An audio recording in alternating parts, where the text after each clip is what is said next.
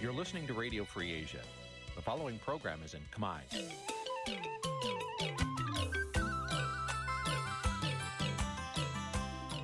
នេះជាកម្មវិធីផ្សាយ Vuthu Azizi Serai នេះជាកម្មវិធីផ្សាយរបស់ Vuthu Azizi Serai ជាភាសាខ្មែរ Vuthu Azizi Serai សូមស្វាគមន៍លោកអ្នកនាងទាំងអស់ពីរដ្ឋធានី Washington នៃសហរដ្ឋអាមេរិក បាទពីរដ្ឋធានីវ៉ាស៊ីនតោនខ្ញុំបាទសេកបុតសូមជម្រាបសួរអស់លោកអ្នកនាងកញ្ញាទាំងអស់ជាទីមេត្រី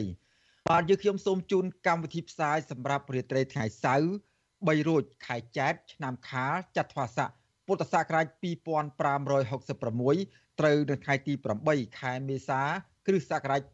2023បាទជាដំបូងនេះសូមអញ្ជើញអស់លោកអ្នកនាងស្ដាប់ព័ត៌មានប្រចាំថ្ងៃដែលមានមេតិការដូចតទៅ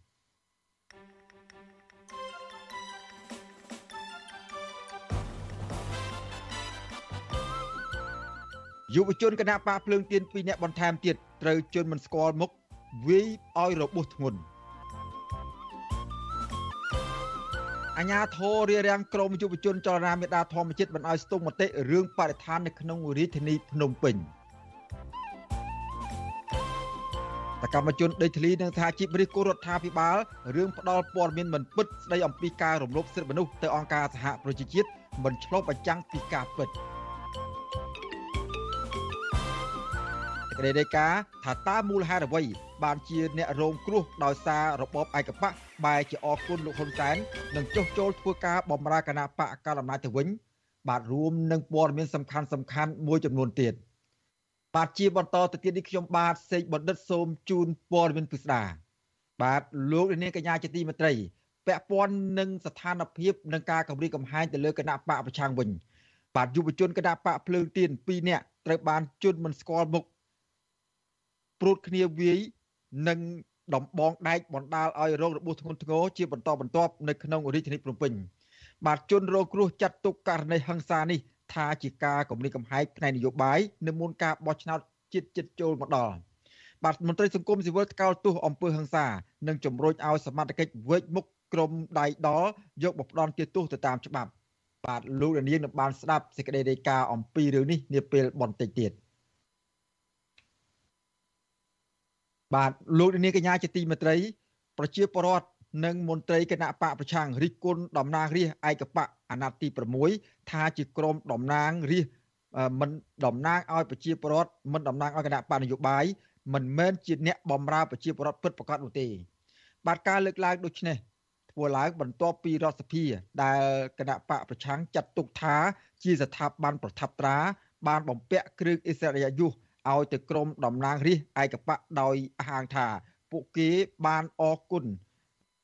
ពួកគាត់បានមានគុណបំណាច់ខិតខំបម្រើប្រទេសជាតិនិងប្រជាពលរដ្ឋពេញមួយអាណត្តិមកនេះ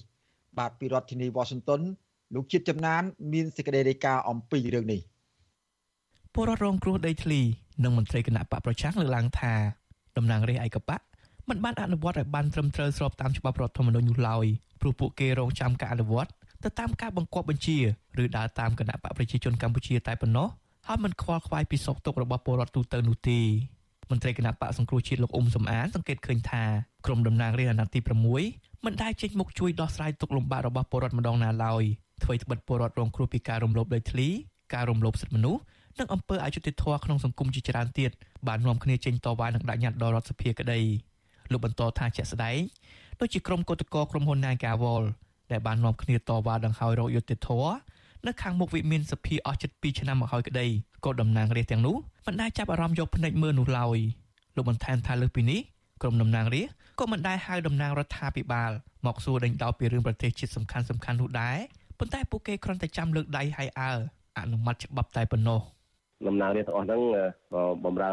គណៈបកប្រជាជនតែម្ដងឯងលើកទឹកចិត្តឲ្យបំរើគណៈបកប្រជាជនតែម្ដងឯងតែម្ដងឯងប៉ុន្តែ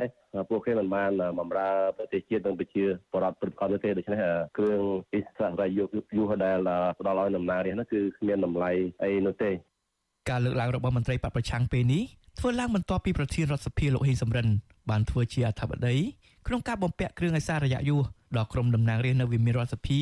កាលពីថ្ងៃទី7ខែមីនា ដើម្បីតបស្នងសងគុណបំណាច់ដ៏ឧត្តមឧត្តមរបស់ក្រុមតំណាងរាស្ត្រទាំងនោះដែលបានបំពេញការងារបម្រើជាតិនិងប្រជាជនរដ្ឋសភាបានបញ្ជាក់ថាក្នុងមួយអាណត្តិមកនេះក្រមតំណាងរាស្ត្របានអនុម័តច្បាប់សំខាន់សំខាន់ចំនួន109ដែលបានបំពេញតួនាទីក្នុងការបម្រើប្រជាពលរដ្ឋស្របតាមច្បាប់ក្នុងភារកិច្ចសំខាន់សំខាន់ដូចជាការធ្វើច្បាប់និងការខ្លំមើលការអនុវត្តច្បាប់លើពីនេះតំណាងរាស្ត្រក៏បានខិតខំអស់កម្លាំងកាយចិត្តចោះសួរសុខទុក្ខប្រជាពលរដ្ឋយ៉ាងសស្រាក់សស្រាំ និងបានយកសំណូមពរនិងក្តីកង្វល់របស់ពលរដ្ឋមកដោះស្រាយបានយ៉ាងល្អប្រសើរអ្វីត្បិតការលើកឡើងពីរដ្ឋសភាបែបនេះប៉ុន្តែពលរដ្ឋម្នាក់ក្នុងចំណោមពលរដ្ឋជាង1000គ្រួសារដែលមានទំនាស់ដីធ្លីជាមួយនឹងក្រុមហ៊ុនស្ករអំពើអុកញ៉ាលីយ៉ុងផាត់តាំងពីឆ្នាំ2011លោកស្រីមុំសុភីលើកឡើងថាលោកស្រីមិនដែលឃើញមុខតំណាងរាស្ត្រមណ្ឌលខេត្តកំពង់ស្ពឺណាម្ដងឡើយហើយកន្លងមកបើទោះបីជាមានវេទិកាតំណាងរាស្ត្រចោះជួបពលរដ្ឋក៏ក្រុមលោកស្រីដែលមានទំនាស់ដីធ្លីមិនត្រូវបានអនុញ្ញាតនិងផ្ដល់ដំណឹងឲ្យចូលរួមនោះដែរ លោកស្រីថាកន្លងមកក្រុមពលរដ្ឋដែលមានទំនាស់ដីធ្លីត្រូវបានគេចោទប្រកាន់ថាជាក្រុមពលរដ្ឋដែលគ្រប់គ្រងបកប្រឆាំងនិងត្រូវបានអាជ្ញាធរចាត់ទុកដូចជាសត្រូវរបស់ខ្លួនគេថាខ្ញុំគណៈបកប្រឆាំងឯគេចោទខ្ញុំអញ្ចឹងប៉ុន្តែការពិតខ្ញុំមិនមែនគណៈបកប្រឆាំងទេគ្រាន់តែខ្ញុំជាអ្នកបាត់បង់ដីធ្លីហើយខ្ញុំជាតំណាងពលរដ្ឋម្នាក់គេព្យាយាមលៀបពណ៌ចោទប្រកាន់ថាខ្ញុំគណៈបកប្រឆាំងអញ្ចឹងណាខ្ញុំមិនដែលស្គាល់ទេនឹងតំណាងរាជឈ្មោះអីទេខេត្តកំពង់ស្ពឺនោះ ជុំវិញការលើកឡើងរបស់មន្ត្រីបពប្រឆាំងនឹងពលរដ្ឋនេះវិសុអាស៊ីសេរីមិនអាចសុំការឆ្លើយតបពីមន្ត្រីអ្នកណែនាំពាក្យរដ្ឋសភាលោកលេងពេញឡុងនិងមន្ត្រីអ្នកណែនាំពាក្យគណៈបកប្រជាជនកម្ពុជាលោកសុកអេសានបាននោះទេច្បាប់ស្តីពីលក្ខន្តិកៈតំណាងរាស្ត្រដែលដាក់ឲ្យអនុវត្តដោយព្រះរាជក្រមក្នុងឆ្នាំ2006ចែងថាតំណាងរាស្ត្រក្រោយពេលបោះឆ្នោតជ្រើសតាំងនិងស្បត់ចូលកាន់តំណែងគឺក្លាយជាតំណាងរបស់ពលរដ្ឋទូទាំងប្រទេសមិនមែនជាតំណាងតែពលរដ្ឋនៅក្នុងមណ្ឌលដែលខ្លួនឈរឈ្មោះនោះទេអ្នកសម្របសម្រួលគម្រោងធុរកិច្ច និងសិទ្ធិមនុស្សរបស់មជ្ឈមណ្ឌលសិទ្ធិមនុស្សកម្ពុជាលោកវ៉ាន់សុផាតលើកឡើងថាអ្វីត្បិតពលរដ្ឋខ្លះមិនមែនជាអ្នកគ្រប់គ្រងបកប្រឆាំងប៉ុន្តែប្រសិនបើពួកគេនាំគ្នាប្រមូលផ្ដុំតវ៉ាទៅតាមក្រសួងស្ថាប័នដោយសារតែរងការរំលោភបំពានផ្សេងផ្សេងតែងត្រូវបានអាជ្ញាធរចោទថាជាក្រុមប្រឆាំងដើម្បីយកធ្វើជាយុទ្ធសាស្ត្រដ៏មានប្រសិទ្ធភាពបំផុតសម្រាប់ដោះសារកិច្ចចេញពីការអនុវត្តតាមទូនីតិដើម្បីបម្រើពលរដ្ឋលោកសង្កេតឃើញថាកន្លងមកនេះក៏មិនដែលឃើញតំណាងរាស្ត្រ អាចជួយដោះស្រាយរឿងដីធ្លីរបស់ពលរដ្ឋបាននោះដែរយើងសង្កេតឃើញថានៃប្រជាពលរដ្ឋដែលគាត់បានលើកឡើងមកថាគាត់មិនដែលស្គាល់តំណាងរាស្ត្រគាត់នឹងជាអ្នកណាមិនដែលចុះទៅសួរសុខទុក្ខមិនដែលចុះទៅដោះជួយដោះស្រាយគាត់នឹងបច្ចុប្បន្ននេះគឺបាទយើងទទួលស្គាល់អស់គ្នាថាអត់ដែលឃើញទេមិនដែលឃើញថាប្រជាពលរដ្ឋណាគាត់ដោះស្រាយដីធ្លីតាមរយៈតំណាងរាស្ត្រនឹងឲ្យបានដោះស្រាយបានរួចរាល់ឲ្យគាត់ទេមន្ត្រីបពប្រឆាំងលើកឡើងទៀតថា តំណាងរាស្ត្រប្រកប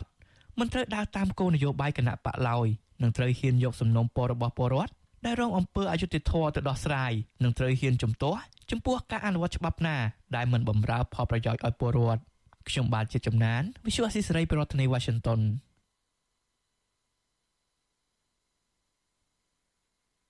បាទលោកនាងកញ្ញាជាទីមេត្រីក្រមបាទកម្ពុជាក្រោមការដឹកនាំរបស់លោកហ៊ុនសែន មានជនរងគ្រោះច្រើនប្រភេទក្នុងនោះរួមមានអ្នកនយោបាយយុវជនដែលឈឺឆ្អាលពីបញ្ហាសង្គមនិងប្រជាពលរដ្ឋមានចំនួនដីធ្លីជាដើមបាទបើទោះបីជាជនរងគ្រោះមួយចំនួនដឹងថាពួកគេរងអំពើអយុត្តិធម៌ដោយសារតែលោកហ៊ុនសែនក៏ដោយក៏ពួកគេនៅតែទៅរកលោកនាយករដ្ឋមន្ត្រីហ៊ុនសែនឲ្យជួយអត់ឱន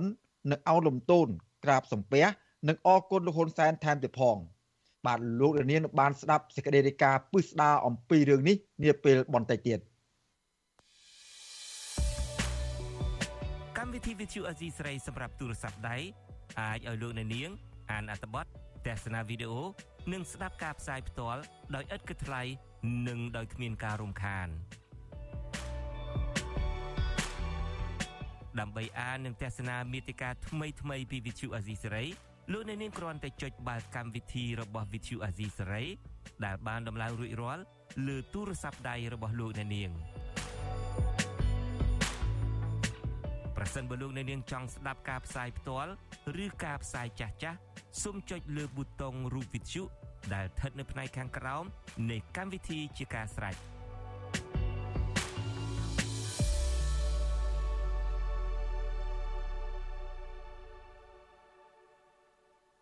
បាទលោកនាងកញ្ញាជាទីមេត្រីលោកនាងកំពុងតាមដានស្ដាប់ការផ្សាយរបស់វិទ្យុអស៊ីសេរីពីរដ្ឋធានីវ៉ាស៊ីនតោនសហរដ្ឋអាមេរិកបាទឥឡូវនេះយើងក៏លេចទៅមើលបញ្ហាកម្ពុជាត្រៀមខ្លួនរៀបចំអឺកីឡាស៊ីហ្គេមវិញម្ដង បាទក្រសួងព័ត៌មាននិងក្រសួងវប្បធម៌វិចិត្រសិល្បៈព្រួយបារម្ភអំពីការត្រៀមខ្លួនមិនទាន់ក្នុងការរៀបចំព្រឹត្តិការណ៍ SEA Games ដែលកម្ពុជាធ្វើជាម្ចាស់ផ្ទះចាប់ពីថ្ងៃទី5ខែឧសភា នៅពេលខាងមុខនេះ បាទអ្នកវិភាគនយោបាយ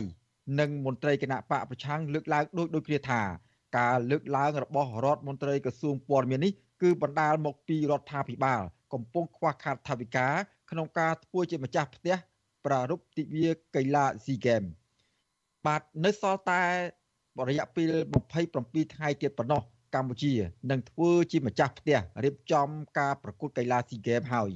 បាទទោះយ៉ាងណារដ្ឋមន្ត្រីក្រសួងព័ត៌មានលោកខៀវកញ្ញរិទ្ធបែរជាលើកឡើងថាក្រសួងព័ត៌មានរួមជាមួយក្រសួងវប្បធម៌និងវិចិត្រសិល្បៈកំពុងព្រួយបារម្ភអំពីការត្រៀមខ្លួន ដើម្បីទទួលខុសត្រូវក្នុងការធ្វើជាម្ចាស់ផ្ទះព្រឹត្តិការណ៍ SEA Games នេះទៅវិញបាទរដ្ឋមន្ត្រីក្រសួងព័ត៌មានលោកខៀវកញ្ញរិទ្ធបានបង្ហោះសាររួមជាមួយរូបភាពមួយសន្លឹកដែលមានរូបលោកនិងរដ្ឋមន្ត្រីក្រសួងវប្បធម៌វិចិត្រសិល្បៈ អ្នកស្រីភឿងសក្កណាកាលពីថ្ងៃទី7ខែមេសាដោយបានលើកឡើងថាទាំងក្រសួងវប្បធម៌និងក្រសួងព័ត៌មាន កំពុងចែកគ្នាភ័យព្រោះចិត្តដល់ថ្ងៃស៊ីហ្គេមហើយ តែអនុគណៈកម្មការនីមួយៗមិនដែលទទួលផែនការលម្អិតរួមទាំងការបែងចែកថវិកាលម្អិតនៅឡើយទេ បាទជុំវិញរឿងនេះអ្នកវិភាគនយោបាយលោកកឹមសុខយល់ឃើញថា ការលើកឡើងរបស់រដ្ឋមន្ត្រីក្រសួងព័ត៌មាន អាចបណ្ដាលមកពីរដ្ឋាភិបាលកម្ពុជា កំពុងប្រឈមបញ្ហាថវិកាក្នុងការចំណាយធ្វើជាម្ចាស់ផ្ទះកីឡាស៊ីហ្គេមនេះបាទលោកបន្ថែមទៀតថាការលើកឡើងរបស់រដ្ឋមន្ត្រីក្រសួងព័ត៌មានក៏បង្ហាញពីរបៀបធ្វើការរបស់រដ្ឋាភិបាល ដែលមិនចេះធ្វើការជាមួយគ្នានោះដែរព្រោះការបែងចែកផែនការនិងថវិកាលម្អិតយឺតយ៉ាវនឹងធ្វើឲ្យក្រសួងសម័យដែលត្រូវទទួលខុសត្រូវមិនមានពេលគ្រប់គ្រាន់ ដើម្បីបំពេញការងាររបស់ខ្លួននោះឡើយលោកហ៊ុនសែនមិនមែនរៀបចំដោយសារតែគាត់គិតអំពីស្ថានភាពខេរញ្ញវត្ថុកំពុងតែមានវិបត្តិឬក៏លើកវិស័យកីឡានោះទេគឺគាត់រៀបចំដោយព្រោះតែវាចិត្តគៀកពេលនឹងបោះឆ្នោតឆ្នាំ2023គាត់រៀបចំព្រឹត្តិការណ៍នឹងទៅដើម្បីរៀបចំពិធីសាធារណៈឲ្យបានច្រើន ផ្សព្វផ្សាយលើកមុខលើកមាត់គាត់តាក់ទងទៅនឹងវិស័យកីឡាឲ្យជាប់អំពីអំនួតជោគជ័យនឹងវិស័យកីឡាទៅនឹងការបោះឆ្នោតតែប៉ុណ្ណោះបាទលោកបន្ថែមទៀតថា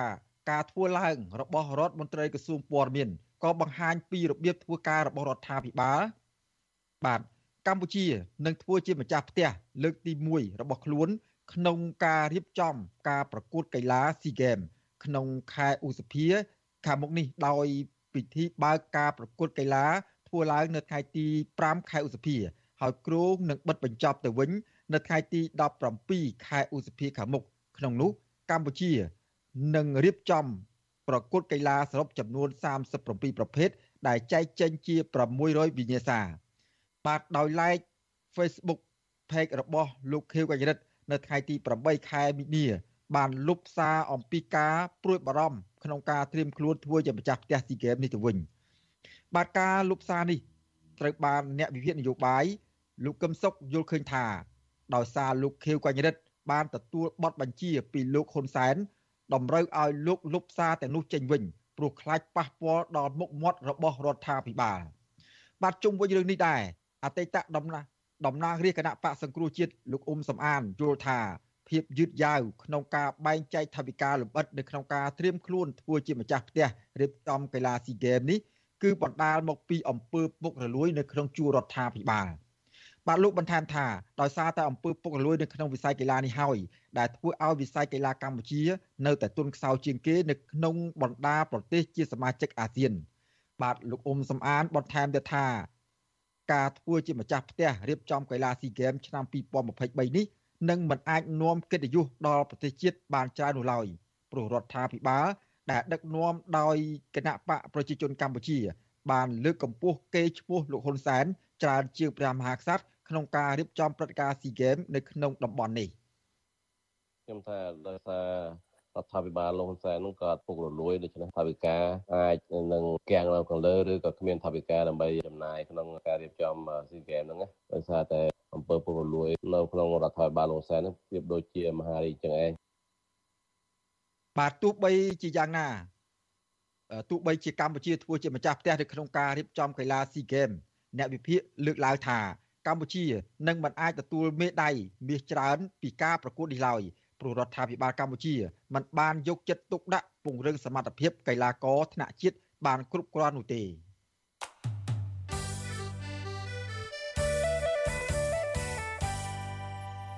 បាទលោកនាងកញ្ញាជាទីមេត្រីឥឡូវនេះយើងក្រឡេកទៅមើលការព្រួយបារម្ភរបស់ប្រជាកសិករដែលកំពុងតែប្រឈមផលិតបានផលិតបានផលហើយតែខ្វះទីផ្សារវិញម្ដង បាទពិធីចូលឆ្នាំចិត្តចូលមកដល់ហើយ បាទកម្មវិធីជួបជុំតូចធំ មាន បន្តបន្ទាប់ពីអឺដែលធ្វើតម្រូវឲ្យបាទពិធីរៀបចំផ្សេងផ្សេងបានកើតមានជាបន្តបន្ទាប់ដែលធ្វើឲ្យតម្រូវការបន្លែនិងត្រីសាច់បានកើនឡើងនៅមានតម្រូវការកើនឡើងផងដែរបាទស្របពេលដែលកើនឡើងតម្រូវការនេះការនាំចូលក៏កើនឡើងធ្វើឲ្យប្រជាកសិផល បាទធ្វើឲ្យកសិផលនៅក្នុងស្រុកនៅតែមិនមានទីផ្សារលក់គ្រប់គ្រាន់នោះទេ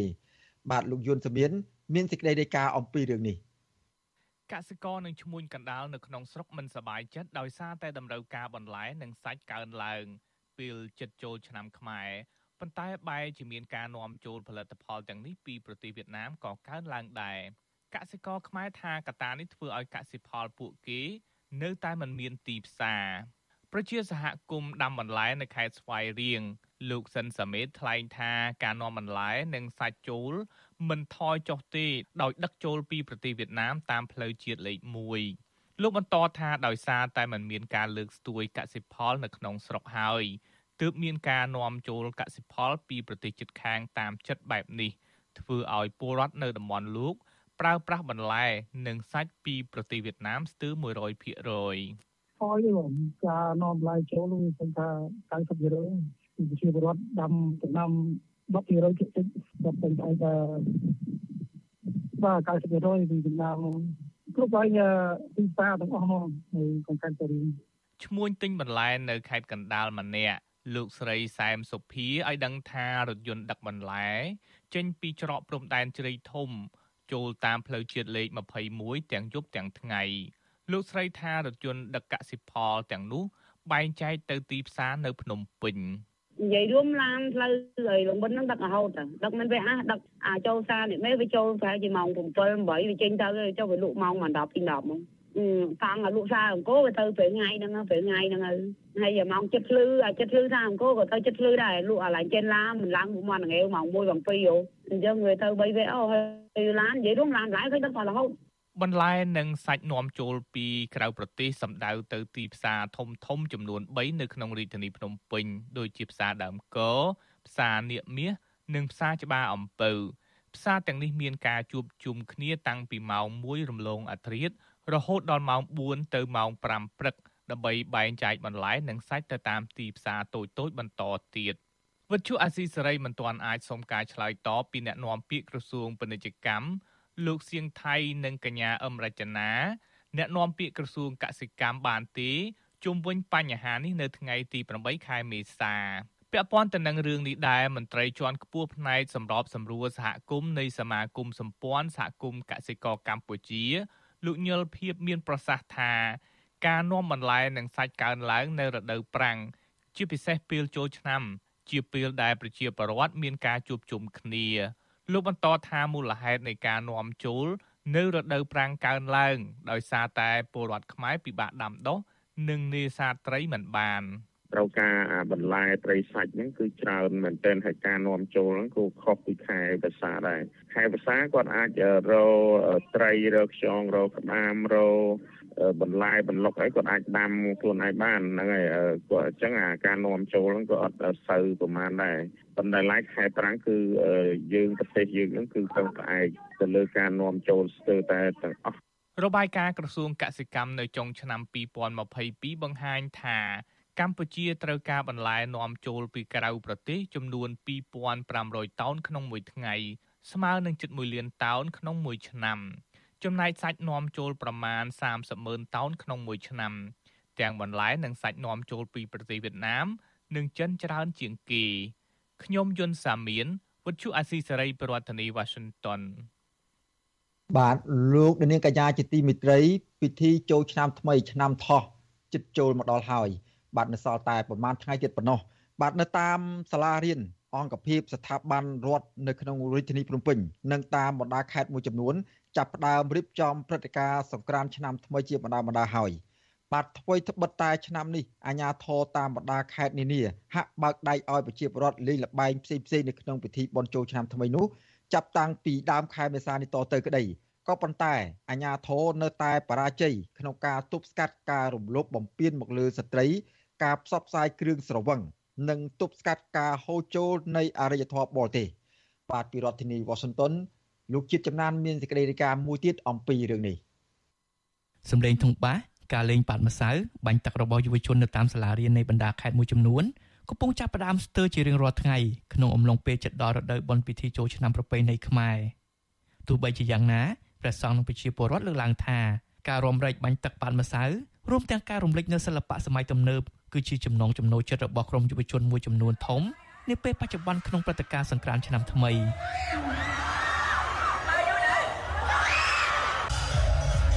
ប៉ុន្តែព្រះសង្ឃនិស្សិតបញ្ញវន្តនិងមន្ត្រីសង្គមស៊ីវិលចង់ឃើញរដ្ឋាភិបាលនិងអាជ្ញាធរមូលដ្ឋានលើកស្ទួយលបែងប្រជាប្រិយខ្មែរតាមរយៈការបង្ហាញឆ្លាក់តុបតែងឲ្យធំជាងការបង្ហាញឆ្លាក់សញ្ញាស្រាបៀរនិងព្រឹត្តិការណ៍បាញ់ទឹកដាក់គ្នាក្នុងពិធីចូលឆ្នាំថ្មីព្រះសង្ឃមួយអង្គដែលសកម្មក្នុងកិច្ចការពារធនធានបរិស្ថានប្រដេជគុណប៉មសុខៃវណ្ណៈមានថ្នាក់នៃការប្រាប់វិសុអេស៊ីសេរីថា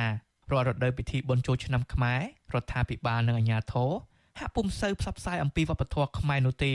ប្រដេជគុណបន្តថាអ្វីត្បិតតាមសាលារៀនខ្លះមានការលេងល្បែងប្រជាប្រិយខ្មែរប៉ុន្តែធ្វើឡើងក្នុងរយៈពេលខ្លីតែប៉ុណ្ណោះផ្ទុយទៅវិញប្រដេជគុណសង្កេតឃើញថានៅពេលដល់បន់ចូលឆ្នាំខ្មែរអាញាធរតែងតែផ្សព្វផ្សាយគ្រឿងសង្វឹងនិងហាក់លើកស្ទួយវងតន្ត្រីសម័យថ្មី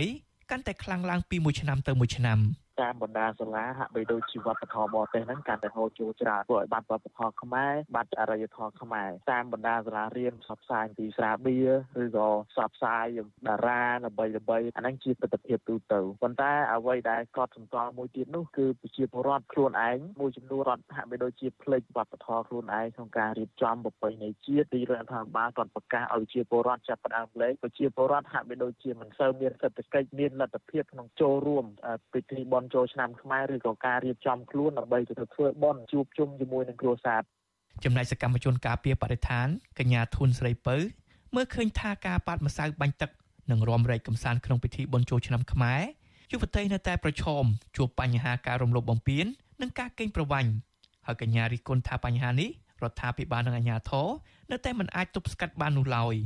កញ្ញាមើលឃើញថាបើទោះបីជាមានព្រឹត្តិការណ៍សង្ក្រាន្តនៅតាមសាលារៀននៅមុនពិធីចូលឆ្នាំក្តីក៏ពលរដ្ឋមួយចំនួនពុំសូវមានសេដ្ឋកិច្ចធូរធារដើម្បីចូលរួមលេងកម្សាន្តគណៈក្រុមគ្រួសារខ្លះទៀតបែរជាជួបទុក្ខសោកសង្រេងដោយសារតែសមាជិកគ្រួសារបន្តជាប់គុកដោយសារតែសកម្មភាពចូលរួមការងារសង្គមនិងមាននិន្នាការមិនស្របនឹងរដ្ឋាភិបាល។ ការដែលធ្វើសង្ក្រានវាសុទ្ធតែអាក្រក់ទេប៉ុន្តែគាត់ថាក្នុងហ្នឹងក៏វាមានចំណុចអវិជ្ជមានហើយចំណុចវិជ្ជមានច្រើនវាល្អដែរធ្វើសង្ក្រានហើយក្នុងសាលាហ្នឹងគាត់ផ្សព្វផ្សាយពីល្បែងប្រជាប្រិយដែលធ្វើឲ្យយុវជនជាពិសេសសិស្សសាលាក្នុងហ្នឹងគាត់បានស្វែងយល់គាត់បានលេងអាទាំងអស់នឹងដូចជាការរំលឹកអនុស្សាវរីយ៍ក៏ដូចជាល្បែងថ្មីថ្មីដែលពួកគាត់អត់ទាន់ជួបប្រទេសហ្នឹងប៉ុន្តែសិស្សសាលាដែលគាត់ផ្សាយពីគ្រឿងសង្វឹងកាន់ដល់ស្រាក្នុងនឹងទាំងអស់វាវាវាជាចំណុចមួយដ៏ល្អទេក្នុងនឹងជារឿងមួយដូចឃើញហើយពេលសង្ក្រានមួយមួយដូចជាមានឆមានអីវាដូចស្ដែងការរំពីពួករបស់យុវជនទាំងអស់ហ្នឹង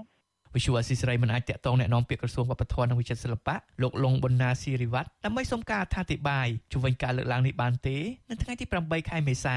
ការរៀបចំសង្ក្រាន្តឆ្នាំថ្មីនៅតាមសាលារៀននៃបណ្ដាខេត្តមួយចំនួនដូចជាខេត្តស្ទឹងត្រែងខេត្តកែបខេត្តបន្ទាយមានជ័យនិងសាកលវិទ្យាល័យមួយចំនួនក្នុងរាជធានីភ្នំពេញបានបញ្ចប់នៅមុនពិធីបុណ្យចូលឆ្នាំខ្មែរមកដល់គណៈវិទ្យាល័យមួយចំនួនទៀត ដូចជានៅខេត្តតាកែវខេត្តកំពតខេត្តព្រៃវែង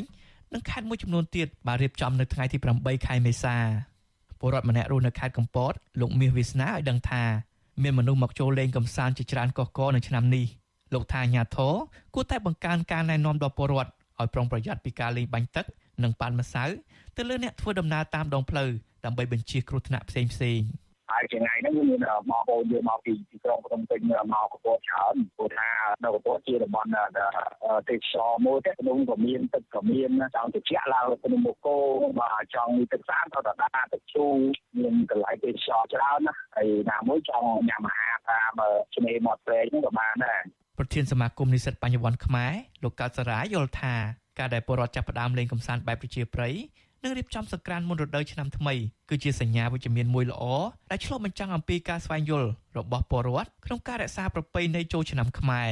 ប៉ុន្តែជារឿងអកុសលណាដែលយើងមើលឃើញថាប្រទេសលើពិភពលោកយិតសាច់ជ្រូកណាក្នុងនោះមានកម្ពុជាហាក់ដូចជាបើកទូលាយក្នុងការផ្សព្វផ្សាយនៅគ្រឿងសង្វឹងពេលខ្លះរហូតសំបីក្នុងសាលារៀនទៅក៏វិទ្យាល័យហើយយើងមានការសង្ស័យណាសម័យរាជរដ្ឋាភិបាលហ្នឹងក៏មានការផឹកនៅគ្រឿងសង្វឹងបង្ហាញជាសាធារណៈទៅទៀតជាសញ្ញាដែលមិនល្អប៉ុន្តែខ្ញុំលើកទឹកចិត្តចំពោះការដឹកនាំនិស្សិតនិស្សិតឲ្យលេងតម្លៃប្រជាប្រិយភាពនេះជារឿងល្អបាទមន្ត្រីសង្គមស៊ីវិល និងព្រះសង្ឃជំរុញទៅរដ្ឋាភិបាលគួរតែបង្កើនការអប់រំដល់ពលរដ្ឋជាពិសេសក្រុមយុវជនដែលស្វែងយល់ពីវប្បធម៌របស់ខ្លួននិងមានទំនួលខុសត្រូវខ្ពស់ក្នុងការចូលរួមលេងកម្សាន្តទាំងនោះជាមួយគ្នានេះពួកគាត់ក៏ស្នើទៅអាណាព្យាបាលគួរតែណែនាំដល់កូនកូនជាពិសេសយុវតីត្រូវស្លៀកសម្លៀកបំពាក់ឲ្យបានសមរម្យនិងត្រូវប្រុងប្រយ័ត្នរាល់សកម្មភាពបៀតបៀនទាំងឡាយណាដែលប្រព្រឹត្តដោយជនឆ្លៀតឱកាសដើម្បីរក្សាតម្លៃក្នុងនាមជាស្ត្រីខ្មែរខ្ញុំបាទជាចំណាន Visual Assisray ពីរដ្ឋធានី Washington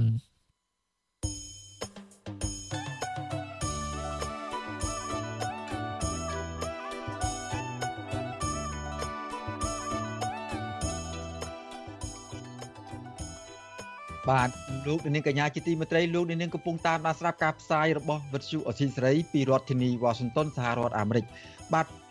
ក្រៅពីលោកនាងស្ដាប់ការផ្សាយរបស់យើងខ្ញុំតាមរយៈ Facebook និង YouTube នោះ លោកនាងក៏អាចស្ដាប់ការផ្សាយរបស់វិទ្យុអស៊ីសេរីតាមរយៈវិទ្យុរលកធារកាសខ្លីបានដែរបាទនៅពេលព្រឹកចាប់ពីម៉ោង5កន្លះដល់ម៉ោង6កន្លះតាមរយៈរលកធារកាសខ្លីប៉ុស SW 9.39 MHz ស្មើនឹងកម្ពស់ 25m និងប៉ុស SW 11.85 MHz ស្មើនឹងកម្ពស់ 22m បាទនៅពេលយប់ចាប់ពីម៉ោង7កន្លះដល់ម៉ោង8កន្លះ តាមរយៈប៉ុស SW 9.39 MHz ស្មើនឹងកម្ពស់ 31m ប៉ុស SW 11.88 MHz ស្មើនឹងកម្ពស់ 25m និងប៉ុស SW 15.15 MHz ស្មើនឹងកម្ពស់ 25m បាទសូមអរគុណបាទឥឡូវនេះយើងងាកមកមើលស្ថានភាពរបស់គណៈបកប្រឆាំងនៅមុនការបោះឆ្នោតនេះវិញបាទយុវជនគណៈបកភ្លើងទៀន2នាក់ ត្រូវបានជន់មិនស្គាល់មុខមុខមុខព្រួតវាយគ្នានឹងដំបងដែកបណ្ដាលឲ្យរោគរបួសធ្ងន់ធ្ងរជាបន្តបន្ទាប់នៅក្នុងរាជធានីភ្នំពេញបាទជនរងគ្រោះចាត់ទុកករណីហិង្សានេះថាជាការគំរាមកំហែងផ្នែកនយោបាយនៅមុនការបោះឆ្នោតថ្នាក់ជាតិខិតជិតចូលមកដល់បាទមន្ត្រីសង្គមស៊ីវិលថ្កោលទោសអំពើហិង្សានិងជំរុញឲ្យសមត្ថកិច្ចវេចមុខរកជនដៃដល់យកមកផ្ដន់ទោសទៅតាមច្បាប់បាទពីរដ្ឋធានី Washington អ្នកស្រីម៉ៅសុធីនីរាយការណ៍អំពីរឿងនេះឋានៈដឹកនាំចលនាយុវជនគណៈបកភ្លើងទៀនថ្នាក់ជាតិ2នាក់ចាត់ទុកអំពើហិង្សានេះថាជាការប៉ុនប៉ងសម្លាប់និងជាការធ្វើទុកបុកម្នេញផ្នែកនយោបាយដើម្បីបំបាក់ស្មារតីចំពោះយុវជន និងប្រជាប្រដ្ឋដែលចូលរួមសកម្មភាពជាមួយគណៈបកភ្លើងទៀននៅមុនការបោះឆ្នោតជ្រើសតាំងតំណាងរាស្ត្រនៅខែកក្កដាខាងមុខ ជនរងគ្រោះនិងជាសមាជិកចលនាយុវជនគណៈបកភ្លើងទៀនថ្នាក់ជាតិលោកគៀតសុកច័ន្ទប្រាប់បច្ចុប្បន្នស៊ីសេរីថាក្រោយពេលដែលលោកចូលរួមលើកបដាទៀមទាដល់លែងអ្នកទននយោបាយកាលពីល្ងាចថ្ងៃទី7ខែមេសាមកលុះព្រឹកឡើងលោកត្រូវជន់មិនស្គាល់មុខដែលមានវ័យចន្លោះពី20ទៅ30ឆ្នាំ មានគ្នា4នាក់ជិះម៉ូតូពីរគ្រឿងពាក់មួកនិងម៉ាស់ បានព្រួតគ្នាវាយលោកនៅចំណុចមុខវត្តតាភេមសង្កាត់កំបូររាជធានីភ្នំពេញនាវេលាម៉ោង8ព្រឹកនៅថ្ងៃទី8ខែមេសានេះលោកថាជន់ដៃដល់ទាំងនោះប្រដាប់ដោយដែករលាស់ឆ្មក់វេលោកចិត្ត10ដំបង បណ្ដាលឲ្យដៃសងខាង ខ្នង ស្មានឹងក្បាលរងរបួសខ្ទាំសាច់ដុំនិងឆ្អឹងធ្ងន់ធ្ងរ បច្ចុប្បន្នលោកកំពុងសម្រាប់ព្យាបាលនៅក្នុងមន្ទីរពេទ្យរដ្ឋដែលត្រូវការតាមដានអាការៈពីគ្រូពេទ្យជាបន្តទៀតខណៈជីវភាពគ្រួសារលោកកំពុងខ្វះខាតខ្លាំងបច្ចុប្បន្នគឺខ្ញុំកំពុងតែដៃនេះគឺឈឺកាន់តែឈឺខ្លាំងវាលើកអត់ចង់រួចដៃខាងឆ្វេងហ្នឹងគឺវាយខ្លាំងមែនទែនហើយខ្នងចាប់ផ្ដើម រៀងឈឺរៀងចាប់ផ្ដើមវាឈឺតិចម្ដងតិចម្ដងយ៉ាងហើយដៃស្ដាំយើងអាចលើកបានតិចតិចដែរខ្ញុំខ្ញុំជាជនរងគ្រោះខ្ញុំចង់ឲ្យសមត្ថកិច្ចគ្រប់ជាន់ថ្នាក់ឲ្យចាប់ខ្លួនបុគ្គលដែលបង្កគ្រោះថ្នាក់ដល់ខ្ញុំនេះដាក់ពន្ធនាគារបានខានទៅបានអញ្ចឹងចង់ឃើញឲ្យមានការអនុវត្តច្បាប់ទាំងអស់នេះឲ្យបានល្អប្រសើរដើម្បីជាប្រយោជន៍ដើម្បីជាសេចក្តីសុខសុវត្ថិភាពទៅដល់យុវជនព្រមទាំងប្រជាពលរដ្ឋទូទាំងប្រទេសកម្ពុជា ស្រដៀងគ្នានេះដែរជនរងគ្រោះម្នាក់ទៀតនិងជាប្រធានស្ដីទីចលនាយុវជនបកភ្លើងទៀនថ្នាក់ជាតិលោកថនចន្ទថារៀបរាប់ថាជនមិនស្គាល់អត្តសញ្ញាណ2នាក់បានបើកបន្ទោងមួយគ្រឿងវាយលោកមួយដំបងដែករលាស់ពេញទំហឹងចំត្រូវស្មានៅម្ដុំបរិយសំណង់លំនៅឋានវាស្បូវដែលស្ថិតនៅសង្កាត់វាស្បូវខណ្ឌច្បារអំពៅនាវេលាម៉ោង7ព្រឹកកាលពីថ្ងៃទី6ខែមេសា លោកបន្តថាជនល្មើសទាំងពីរនាក់នោះថែមទាំងចង្អុលមុខឲ្យគំរាមសម្រាប់លោកថែមទៀតផងកន្លងមកខ្ញុំអត់ដែលមានទំនាស់ជាមួយនរណាទេដោយសារតែនិយាយរួមទៅខ្ញុំជាមនុស្សដែលមិនសូវនិយាយច្រើនទេហើយចូលចិត្តរាប់អានអ្នកដតីអញ្ចឹងណាឆ្លោះខ្ញុំដែរចេញហើយខ្ញុំយល់ថា ការធ្វើហិង្សាមកលើរូបខ្ញុំនឹងវាគឺជាការគំរាមកំហែងបំផិតបំភ័យផ្នែកនយោបាយដោយសារតែគេមើលឃើញថាខ្ញុំជាថ្នាក់ដឹកនាំរបស់យុវជនគណៈបកភ្លើងទៀនផងហើយយើងមានសកម្មភាពសកម្មយើងតែងតែមានមុខនៅមូលដ្ឋានក៏ដូចជាចុះពង្រឹងចុះរៀបចំចុះពង្រៀនយុវជននៅតាមបណ្ដាខេត្តផង ក្រោយពីកើតហេតុភ្លាមភ្លាមជនរងគ្រោះទាំងពីរនាក់ក៏បានដាក់ពាក្យបណ្ដឹងទៅនគរបាលប៉ុស្តិ៍រដ្ឋបាលសង្កាត់កំបូល និងប៉ុស្តិ៍នគរបាលសង្កាត់វាស្បូវក៏ប៉ុន្តែរហូតដល់ម៉ោងផ្សាយនេះសមត្ថកិច្ចនៅមិនទាន់ចាប់ខ្លួនជនដៃដល់ណាម្នាក់នៅឡើយ វត្ថុអសីស្រីមិនអាចតកតងអ្នកនាំពាក្យស្នងការដ្ឋាននគរបាលរាជធានីភ្នំពេញលោកសានសុកសីហាននិងប៉ុស្តិ៍រដ្ឋបាលសង្កាត់កំបូលលោកផិនភៀបដើម្បីបកស្រាយជំវិញហេតុការណ៍នេះបានទេនៅថ្ងៃទី8ខែមេសាចំណែកឯនៃប៉ុស្តិ៍រដ្ឋបាលសង្កាត់វាស្បូវលោកឆេងច័ន្ទតារាវិញប្រាប់ថាលោកជាប់រវល់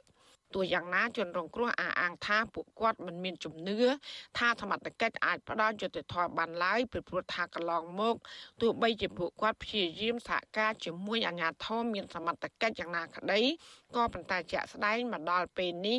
គ្មានករណីណាមួយដែលត្រូវបានអាជ្ញាធរបង្ហាញលទ្ធផលស៊ើបអង្កេត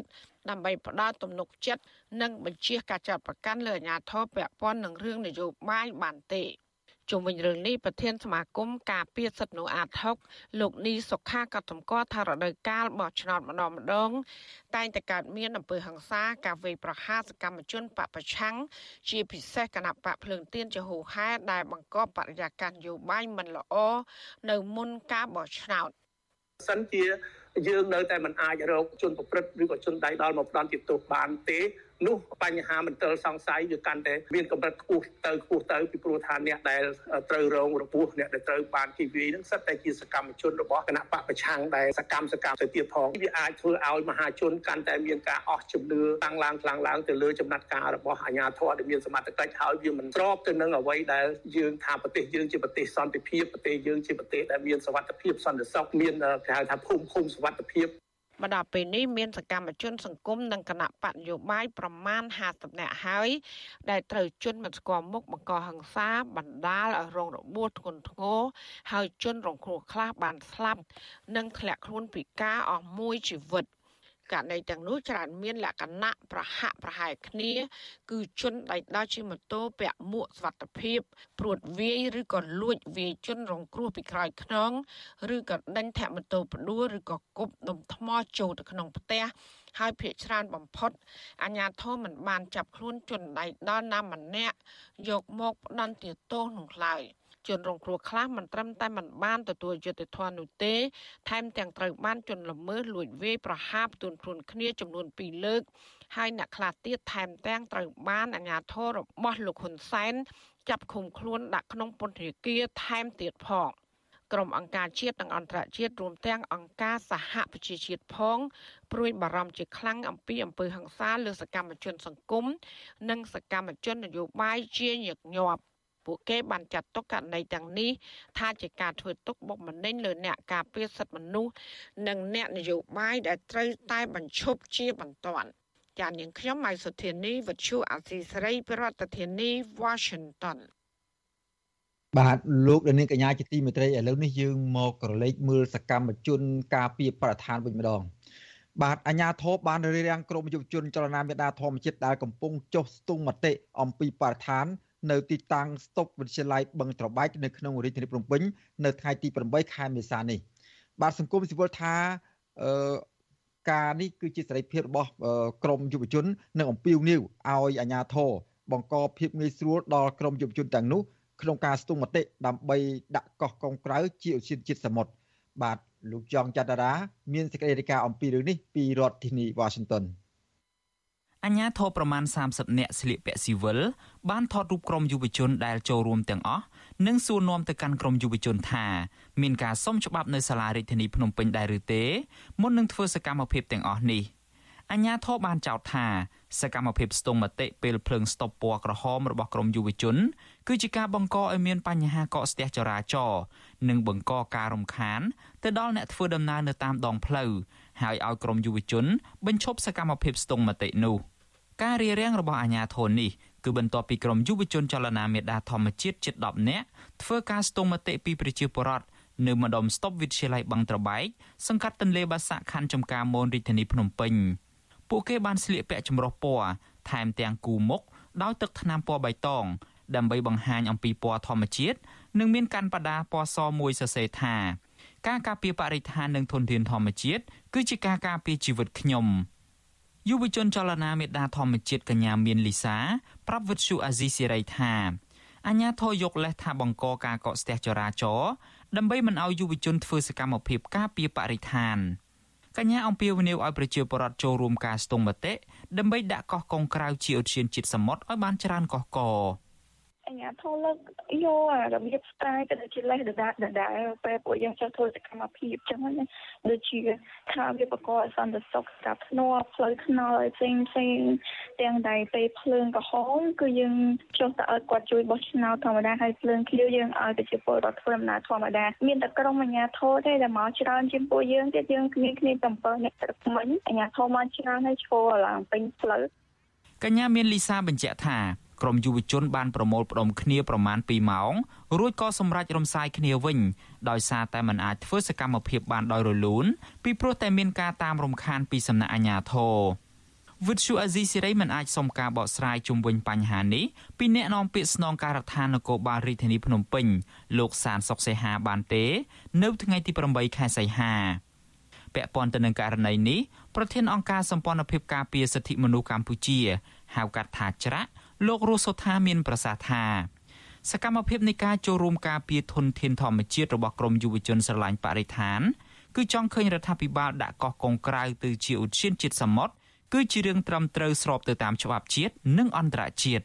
លោកបន្តថាអាញាធរគួរតែស្វែងយល់អំពីគោលបំណងរបស់ក្រមយុវជននៅពេលពួកគេធ្វើសកម្មភាពដើម្បីជាប្រយោជន៍របស់ជាតិលោកស្នើដល់អាជ្ញាធរ គួរតែបង្កភាពងាយស្រួលឲ្យពួកគេ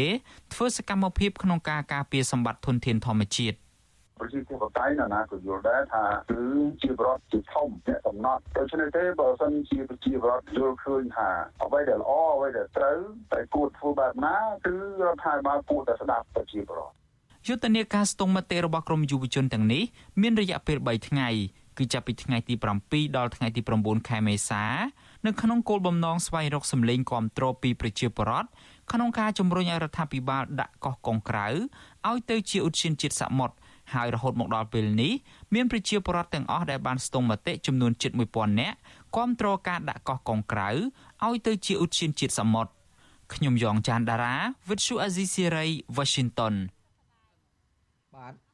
លោកនាងកញ្ញាជាទីមេត្រីឥឡូវនេះយើងក៏លេខមកមើលចរន្តនយោបាយដែលកំពុងកើតមាននៅក្នុងបរិបទដែលកម្ពុជាកំពុងរៀបចំការបោះឆ្នោតជ្រើសតាំងតំណាងរាស្ត្រដែលនឹងប្រព្រឹត្តទៅនៅខែកក្កដាខាងមុខនេះវិញបាទកម្ពុជា ក្រោមការដឹកនាំរបស់លោកហ៊ុនសែនមានជនរងគ្រោះជាច្រើនប្រភេទក្នុងនោះរួមមានអ្នកនយោបាយយុវជន ដែលឈឺឆ្អាលពីបញ្ហាសង្គមប្រជាពលរដ្ឋមានចំនួនដីធ្លី និងបញ្ហាផ្សេងផ្សេងទៀតជាដើម។ បាទបើទោះបីជាជនរងគ្រោះមួយចំនួន ដឹងថាពួកគេរងអំពើអយុត្តិធម៌ដោយសារតែលោកហ៊ុនសែនក៏ដោយក៏ពួកគេនៅតែ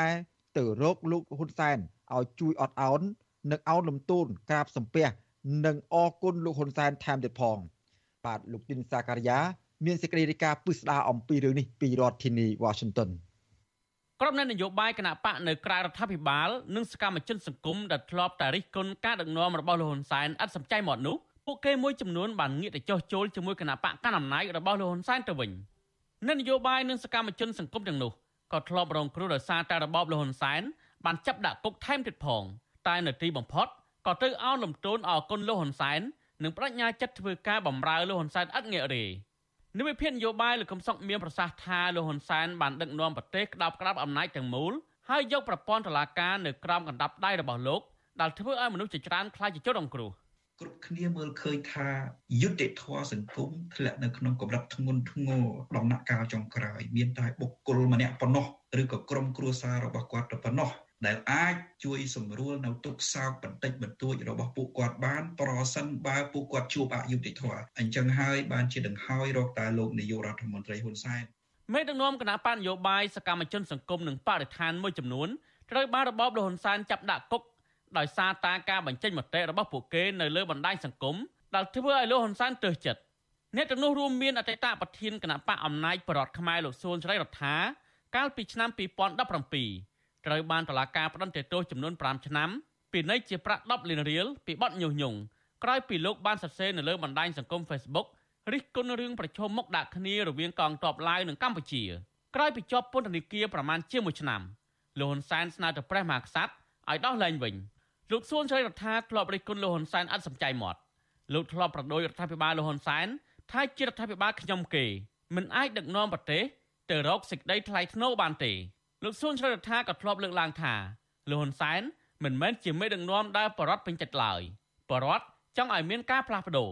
ពីព្រោះយើងចង់បានការផ្លាស់ប្ដូរហើយបើយើងនិយាយមែនតើការផ្លាស់ប្ដូរនេះមិនមែនតែចលនាអំណាចបរដ្ឋមែនតែខ្ញុំទេពលរដ្ឋខ្មែរទាំងអស់គ្នាគឺចង់បានទាំងអស់គ្នាដូច្នេះការផ្លាស់ប្ដូរគឺមានន័យថាយករបបមួយការដឹកនាំមួយដែលពលរដ្ឋមិនពេញចិត្តយកចេញរួចហើយយករបបមួយការដឹកនាំមួយមេដឹកនាំថ្មីមួយដែលពលរដ្ឋពេញចិត្តយកមកដាក់បញ្ចូលទៅទោះបីជាលោកសួនសេរីរដ្ឋា ធ្លាប់រងគ្រោះដោយសារតែរបបលហ៊ុនសែនចាប់ដាក់គុកនិងធ្លាប់មិនពេញចិត្តការដឹកនាំរបស់លហ៊ុនសែនបែបនេះក្តីក៏នៅទីបំផុតទៅលោកបានទៅចោះចូលជាមួយរដ្ឋាភិបាលវិញក្រោយពីលោកបានចោះចូលជាមួយគណៈបកកណ្ដាលអំណាចនោះលោកហ៊ុនសែនក៏បានស្នើទៅព្រះមហាក្សត្ររងចាំតែប្រថាប់ត្រាតែងតាំងលោកសួនសេរីរដ្ឋាជារដ្ឋលេខាធិការក្រសួងអភិវឌ្ឍជនបទកាលពីឆ្នាំ2020ក្រោយលោកទទួលបានតំណែងហើយនេះលោកបានចេញមកការពីរដ្ឋាភិបាលលោកហ៊ុនសែនខ្លាំងក្លា ចង់ខ្លាំងជាងសមាជិករដ្ឋាភិបាលដែលចាក់ឫសនៅក្នុងគណៈបកប្រជាជនកម្ពុជាតាំងពីយូរមកហើយថែមទៀតផងជាស្ដែងដូចជាការពិពេលថ្មីថ្មីនេះលោកបានចេញលិខិតកលទោសលោកសំរងស៊ីដែលចោទថាលោកសំរងស៊ីជាជនក្បត់ជាតិជាដើមមិនមែនមានតែលោកសួនចរិតរដ្ឋានេះទេដែលបង្កើតគណៈបកនយោបាយប្រឆាំងជាមួយរដ្ឋាភិបាលតែទីបំផុតរត់ទៅចោះចូលជាមួយរបបឯកបកវិញនោះរាប់ទាំងមន្ត្រីគណៈបកហ្វុសសំពេចមន្ត្រីគណៈបកប្រឆាំងនិងថ្មីថ្មីនេះ គឺមន្ត្រីជាន់ខ្ពស់គណៈបកប្រជាធិបតេយ្យមូលដ្ឋានជាដើមពួកគេបានសរសេរនៅលើបណ្ដាញសង្គមប្រកាសបដិញ្ញាចិត្តជួយគាំទ្រគណៈបកកណ្ដាលអំណាចក្រោយពីពួកគេបានទូនាទីជាអនុរដ្ឋលេខាធិការនិងរដ្ឋលេខាធិការនោះទាក់ទងនឹងបញ្ហានេះនិវិភាននយោបាយលោកកំសុកមានប្រសាសន៍ថាអ្នកនយោបាយដែលរត់ទៅចោះចូលជាមួយលោកហ៊ុនសែននេះដោយសារតែពួកគេមិនបានកំណត់គោលដៅនយោបាយដើម្បីសង្គ្រោះប្រជាធិបតេយ្យបានច្បាស់លាស់ម្យ៉ាងទៀត ការចោះចូលនេះក៏ដោយសារតែពួកគេសម្លឹងឃើញផលប្រយោជន៍ជាធំដែរក្រៅពីអ្នកនយោបាយនោះក៏នៅមានយុវជន សកម្មជនសង្គមសកម្មជនបរិស្ថាន និងអ្នកសារព័ត៌មានជាដើមដែលអ្នកខ្លះធ្លាប់ជាប់គុកច្រវាក់ដោយសារតែការបំពេញការងាររបស់ពួកគេ ហើយត្រូវបានរដ្ឋាភិបាលចាប់ដាក់គុកនោះ គឺពួកគេមួយចំនួនរត់ទៅចោះចូលជាមួយរដ្ឋាភិបាលលោកហ៊ុនសែនក្រោយពីពួកគេទៅចោះចូលហើយនោះក៏ចេញមុខមកវាប្រហារអតីតក្រុមការងារ ដែលធ្លាប់ធ្វើការជាមួយគ្នាថែមទៀតផងហើយកោតសរសើរការដឹកនាំនិងអគុណលោកហ៊ុនសែនទៅវិញក្រៅពីពួកគេវាយប្រហារអតីតក្រុមការងាររបស់ខ្លួននោះពួកគេក៏ចេញមុខថ្កោលទោសមេបកប្រឆាំងលោកសំរងស៊ីជាបន្តបន្ទាប់ដែរលើសពីនេះទៀតនៅមានអង្គការដ៏ល្បីឈ្មោះមួយរូបទៀតដែលជាអតីតពលករមកពីប្រទេសកូរ៉េខាងត្បូងគឺលោកលេងនវត្រាដែលជាអតីតសកម្មជនគណបកសង្គ្រោះជាតិផងនោះ ធ្លាប់ច្រៀងរ៉េបទៀមទាឲ្យលោកហ៊ុនសែនចោះចេញពីតំណែងថែមទៀតផង អាលុយស្រុកខ្មែរគ្មានទេនិយាយទេធัวបងប្អូនអើយត្រូវចាំថាគូលោកហ៊ុនសែនអូបំរតនាបកគាត់នៅយូរកាយជាគុំមនុស្សដាច់ការលទ្ធិធបតៃដោយបារាឧបមាត្រឹមពីអាណត្តិគេមិនអាចតវ៉ាដូចនៅកូរ៉េខាងត្បូងអ្នកដឹកនាំគេហ៊ានវះបងសង្ខាតើគេរីចម្រើនដល់ណា ទោះបីជាបែបនេះក្តីក្រោយពីលោកលេងនវត្រាបានវិលចូលច្រកវិញលោកបានក្លាយជាអ្នកមានមួយប្រព្រឹត្តភ្នែកលោកលេងនវត្រាបានក្រាបសំពះដល់បាតជើងលោកហ៊ុនសែនថែមទៀតផងលោកហាក់ចាត់ទុកលោកហ៊ុនសែនជាអតិថិបរបស់លោកនិងបានឧបត្ថម្ភថវិកាម្ដងម្ដងជូនលោកហ៊ុនសែនរាប់សែនដុល្លារករណីចុងក្រោយ គឺលោកយឹមស៊ីណនដែលគេមើលឃើញថាជាអ្នករងគ្រោះដោយសារតែការបញ្ចេញមតិនៅលើបណ្ដាញសង្គមហើយត្រូវបានរបបលហ៊ុនសែនចាប់ដាក់ពន្ធនាគាររឿងប្រមាថព្រះមហាក្សត្រនោះ ចុងក្រោយក៏ថតជាវីដេអូផ្ញើសារសំទោសលហ៊ុនសែនជាថ្នូវនឹងការដោះលែងវិញភរិយារបស់លោកយឹមស៊ីណនបានសម្ដែងនៅក្តីរំភើបដឹងគុណមានតែសម្ដេចពុកតែម្នាក់គត់ដែលអាចជួយឲ្យប្តីរបស់លោកស្រី មកជួបជុំប្រពន្ធកូនវិញដោយឡែកដៃគូលោកយឹមស៊ីណនគឺលោកហ៊ុនកុសលមិនបានសរសេរលិខិតសំទោសលោកហ៊ុនសែននោះ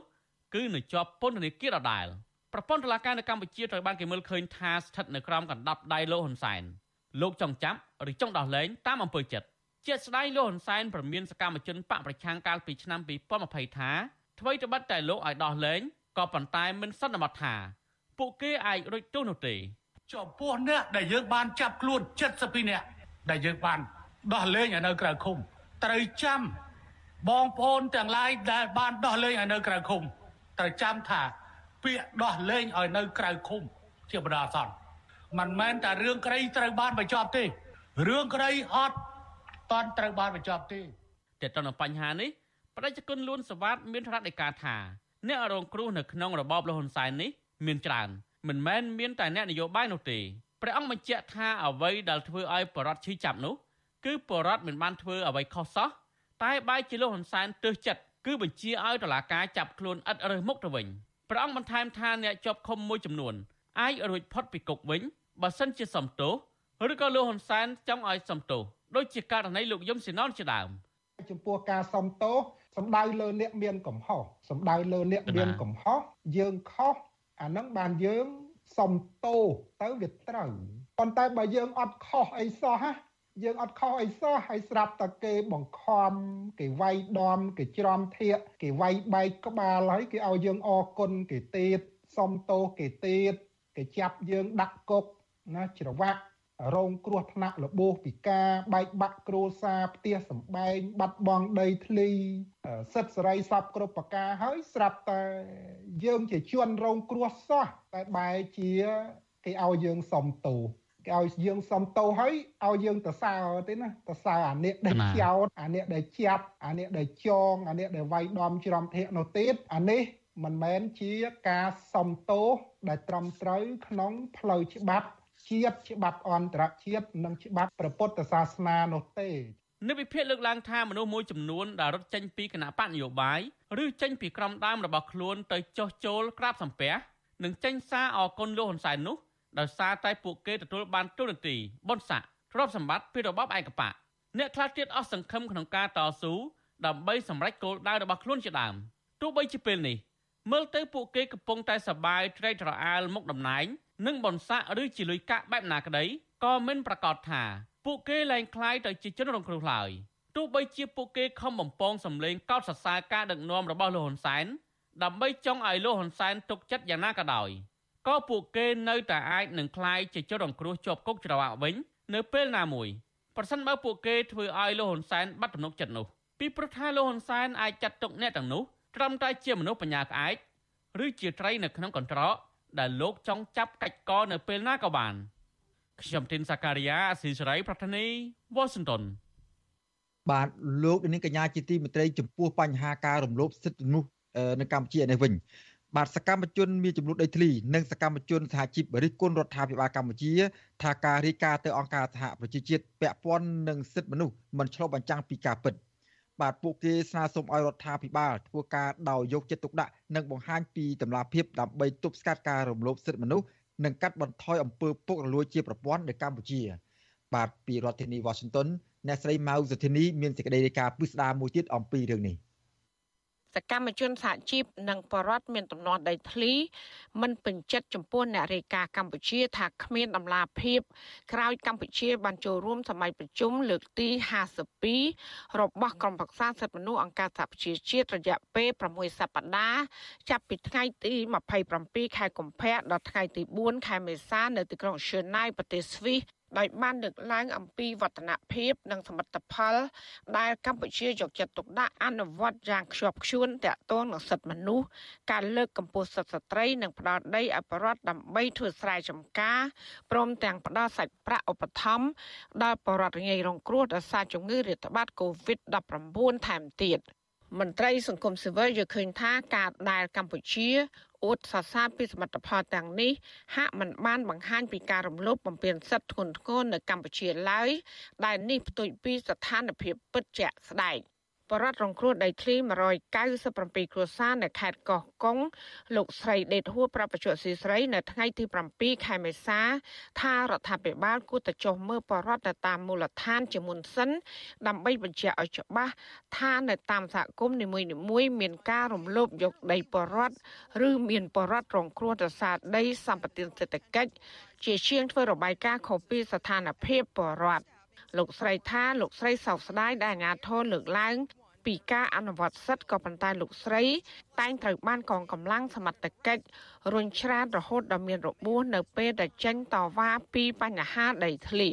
ការទៅដល់អង្គការហជីជាតិមិនទាន់បានពេញលេញទេហើយប្រកាសជាងគេគឺជនរងប្រព្រឹត្តស្ថិតនៅខេត្តកោះកុងយើងនេះមិនទាន់បានដោះស្រាយរួចរាល់ជាសន្តាពរទេហើយខ្ញុំរួចរាល់ថាដោះស្រាយបានមួយចំនួនប៉ុន្តែមួយចំនួនទៀតមិនទាន់បានដោះស្រាយពេញលេញទេ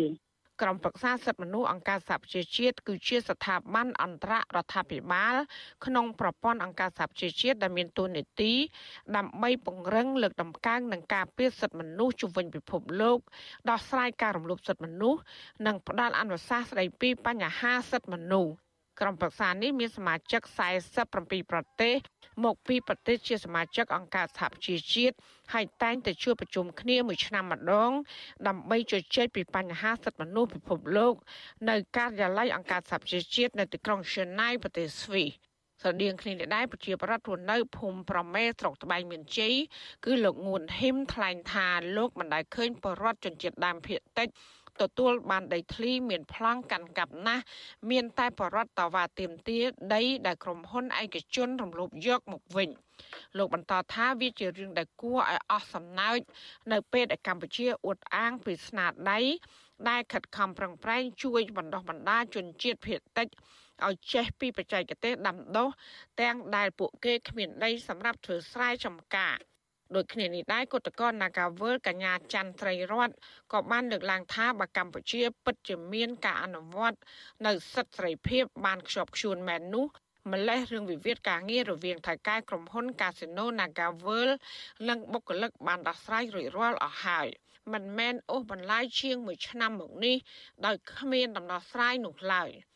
ដូចជាស្ដែងដូចពួកខ្ញុំត្រូវអាញាធរវាយដល់ថ្នាក់មានកោតតកម្នាក់គាត់អាលូកូនវាយដល់ថ្នាក់បែកមុខបែកមាត់ចង់និយាយថានៅតែមានលៀបពណ៌ហើយលើកកម្ពស់ស្ត្រីយ៉ាងម៉េចបងបើពួកខ្ញុំរងនៅភាពអយុត្តិធម៌បែបហ្នឹងហើយដូចជាថ្ងៃ8មិនិនាអញ្ចឹងពួកខ្ញុំបានទៅទីលានប្រជាធិបតេយ្យក៏ប៉ុន្តែដូចថាការលើកមករបស់ខាងរាជរដ្ឋាភិបាលដូចជាអត់មានការលើកកម្ពស់ស្ត្រីហ្នឹងដូចវាមានការនិយាយជាក់ស្ដែងក៏ប៉ុន្តែបើការអនុវត្តមកលើពួកខ្ញុំដូចជាគ្មានទេអត់មានទេប្រតិកម្មទាំងនេះបានធ្វើឡើងនៅបន្ទាប់ពីតំណាងរដ្ឋាភិបាលកម្ពុជា បានទៅចូលរួមសម័យប្រជុំលើកទី52របស់ក្រុមប្រឹក្សាសិទ្ធិមនុស្សអង្គការសហប្រជាជាតិរយៈពេល6សប្តាហ៍ចាប់ពីថ្ងៃទី27ខែកុម្ភៈដល់ថ្ងៃទី4ខែមេសានៅទីក្រុងឈឺណៃប្រទេសស្វីស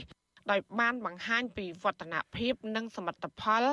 ដែលកម្ពុជាបានយកចិត្តទុកដាក់អនុវត្តពាក់ព័ន្ធនឹងផ្នែកសិទ្ធិមនុស្ស ក្នុងកិច្ចប្រជុំនេះដែរតំណាងរដ្ឋាភិបាលកម្ពុជាក៏បានលើកឡើងថាកម្ពុជាបានចាក់វ៉ាក់សាំង COVID-19 ជូនប្រជាពលរដ្ឋដោយឥតគិតថ្លៃហើយគ្មានការរើសអើងរួមទាំងអ្នកទោសនិងជនបរទេសដែលសម្រេចបានជាង95%នៃចំនួនប្រជាជនសរុបមិនតែប៉ុណ្ណោះកម្ពុជាក៏បានឧបត្ថម្ភសាច់ប្រាក់ដល់ជនរងគ្រោះនិងប្រជាពលរដ្ឋក្រីក្រក្នុងអំឡុងពេលជំងឺរាតត្បាត COVID-19 ដោយមានចំនួនទឹកប្រាក់សរុបជិត1000លានដុល្លារផ្ដល់ដល់ប្រជាពលរដ្ឋជិត2លាន3សែននាក់ លើពីនេះរដ្ឋាភិបាលក៏បានអះអាង ថាដីសង្គមគិច្ចនិងដីសម្បត្តិសេដ្ឋកិច្ចសរុបជាង1លានហិកតាសម្រាប់សង់លំនៅឋាន និងបែងចែកទៅឲ្យក្រុមគ្រួសារដែលគ្មានដី និងគ្រួសារក្រីក្រ ចំនួនជាង50000នាក់ដើម្បីបង្កើតសហគមន៍កសិកម្មនិងផ្ដល់ជំនួយបច្ចេកទេស និងហិរញ្ញវត្ថុរួមទាំងជនជាតិដើមភាគតិចព្រមទាំងលើកកម្ពស់សន្តិសុខស្បៀងនិងស្ថានភាពអាហារូបត្ថម្ភ ក្រៅពីនេះកម្ពុជាក៏បានយកចិត្តទុកដាក់លើកកម្ពស់សិទ្ធិអំណាចរបស់ស្ត្រីកាត់បន្ថយវិសមភាព gender និងបើកឱកាសឲ្យអង្គការជិត6000ស្ថាប័នបានចុះបញ្ជីដើម្បីរួមចំណែកលើកកម្ពស់ប្រព័ន្ធយុត្តិធម៌សិទ្ធិមនុស្សនិងសេរីភាពសារព័ត៌មាន។ បន្ថែមពីនេះកម្ពុជាក៏បានសង្កត់ធ្ងន់ថាអ្នកនយោបាយឬស្ថាប័នដែលតាំងខ្លួនថាឯករាជ្យមិនមែនជាអាជ្ញាប័ណ្ណដើម្បីបំពានច្បាប់ ដោយមិនត្រូវផ្ដន់ទោសនោះឡើយហើយការចាត់ទុកការអនុវត្តច្បាប់ ថាជាការរដ្ឋបិទសិទ្ធិភាពនៃក្រមមួយចំនួននោះ គឺជាការបន្ទាបតម្លៃនីតិរដ្ឋនិងការអនុវត្តស្មារតីគ្នាចំពោះប្រជាពលរដ្ឋគ្រប់រូប ទោះបីជាតំណាងមន្ត្រីរដ្ឋាភិបាលខំការពារដើម្បីបិទបាំងនៅអំពើអាក្រក់របស់មេដឹកនាំបែបនេះក្តីក៏ប៉ុន្តែមន្ត្រីសង្គមស៊ីវិលធ្វើការងារផ្នែកសិទ្ធិមនុស្សនៅតែសង្កេតឃើញថាការអនុវត្តសិទ្ធិសេរីភាពរបស់ពលរដ្ឋសិទ្ធិអង្គការសង្គមស៊ីវិលនិងសិទ្ធិនយោបាយគឺនៅតែមានការរដ្ឋបတ်ដដែល។ ជុំវិញរឿងនេះប្រធានសមាគមការពារសិទ្ធិមនុស្សអាត6លោកនីសុខាមានប្រសាសន៍ថាលោកគ្រប់គ្រងចំពោះចំណាត់ការអាញាធរពាក់ព័ន្ធនឹងការចាក់វ៉ាក់សាំង COVID-19 និងការឧបត្ថម្ភប្រាក់មួយចំនួនសម្រាប់ប្រជាពលរដ្ឋក្រីក្រប៉ុន្តែអំឡុងពេលកូវីដអាញាធរក៏បានចេញច្បាប់មួយចំនួនប៉ះពាល់ដល់ការអនុវត្តសិទ្ធិសេរីភាពផងដែរ លោកថាបញ្ហាអយុត្តិធម៌ក្នុងសង្គមដូចជារឿងវិវាទដីធ្លីបញ្ហារំលោភសិទ្ធិមនុស្សបញ្ហាធនធានធម្មជាតិនិងបញ្ហាមួយចំនួនទៀតរដ្ឋាភិបាលហាក់មិនបានយកចិត្តទុកដាក់ដោះស្រាយនោះឡើយ។ ការលើកឡើងដែលវាមិនបានឆ្លុះបញ្ចាំងពីទស្សនវិជ្ជាជាក់ដែងខ្ញុំគិតថាឃើញទៅវិញស្ថានភាពដែលយើងមិនអាចកែប្រែបានយើងនៅតែស្ថានភាពនោះវានៅតែដដែលគឺព្រោះថាយើងអត់បានទទួលស្គាល់អ្វីដែលជាការពិតរបស់អង្គការសហជាតិមានជំនាញនៅក្នុងកិច្ចការងារនោះហ្នឹងហើយយើងមិនបានទទួលស្គាល់អ្វីដែលគេបានលើកឡើងហើយយើងនៅតែមានការពោលអះអាងដដែលដដែលអញ្ចឹងខ្ញុំគិតថាស្ថានភាពហ្នឹងយើងឃើញមានលក្ខណៈកើតឡើងនៅដដែលដដែលនេះហើយខ្ញុំគិតថានេះមិនអាចថាឡើងវិញនៅស្ថានភាពជំនួស គិតមកដល់ពេលនេះក្រុមប្រឹក្សាសិទ្ធិមនុស្សរបស់អង្គការសហប្រជាជាតិមិនទាន់ចេញរបាយការណ៍សម័យប្រជុំលើកទី52នៅឡើយក៏ប៉ុន្តែកាលពីសម័យប្រជុំលើកទី48ពីថ្ងៃទី13ខែកញ្ញារហូតដល់ថ្ងៃទី8ខែតុលាឆ្នាំ2021នោះ អ្នករាយការណ៍ពិសេសផ្នែកសិទ្ធិមនុស្សនៃអង្គការសហប្រជាជាតិប្រចាំកម្ពុជា លោកវិទិតមុនតបូនបានលើកឡើងពីទស្សនវិជ្ជាសំខាន់សំខាន់មួយចំនួន នៃស្ថានភាពសិទ្ធិមនុស្សនៅកម្ពុជាក្នុងនោះរួមមានផលប៉ះពាល់នៃវិបត្តិជំងឺ Covid-19 បញ្ហាធ្លាក់ចុះនៃលំហប្រជាធិបតេយ្យសិទ្ធិបរដ្ឋនិងសិទ្ធិនយោបាយព្រមទាំងបញ្ហាមួយចំនួនទៀតតាក់ទងនឹងសិទ្ធិសេដ្ឋកិច្ចសង្គមនិងវប្បធម៌បញ្ហាដីធ្លីបរិស្ថាន សង្គមស៊ីវិលកិច្ចពិគ្រោះយោបល់និងកិច្ចសហប្រតិបត្តិការជាដើម ដែលទាំងអស់នេះសុទ្ធតែឆ្លុះបញ្ចាំងពីការរំលោភសិទ្ធិមនុស្សនៅកម្ពុជាទោះជាយ៉ាងនេះក្តីរដ្ឋាភិបាលដឹកនាំដោយលោកហ៊ុនសែននៅតែបន្តធ្វើទុកបុកម្នេញលើសកម្មជនសហជីពកញ្ញាឈឹមស៊ីធសកម្មជនសិទ្ធិមនុស្សកញ្ញាសេងធារី អ្នកសារព័ត៌មាន សកម្មជនដីធ្លី ព្រមទាំងសកម្មជននយោបាយបពប្រឆាំងសរុបទាំងអស់ជាង70នាក់ដែលកំពុងជាប់ឃុំក្នុងពន្ធនាគារដោយសារតែការអនុវត្តសិទ្ធិសេរីភាពរបស់ពួកគេ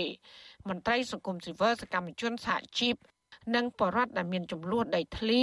ទទូចអរដ្ឋាភិបាលបញ្ឈប់ការគម្រាមកំហែងសកម្មជនភៀសច្រើនជាស្ត្រី និងអនុវត្តច្បាប់ឲ្យបានត្រឹមត្រូវដើម្បីស្ដារមុខមាត់កម្ពុជាឡើងវិញ។ ពួកគេក៏ចង់ឃើញការអនុវត្តច្បាប់នៅកម្ពុជា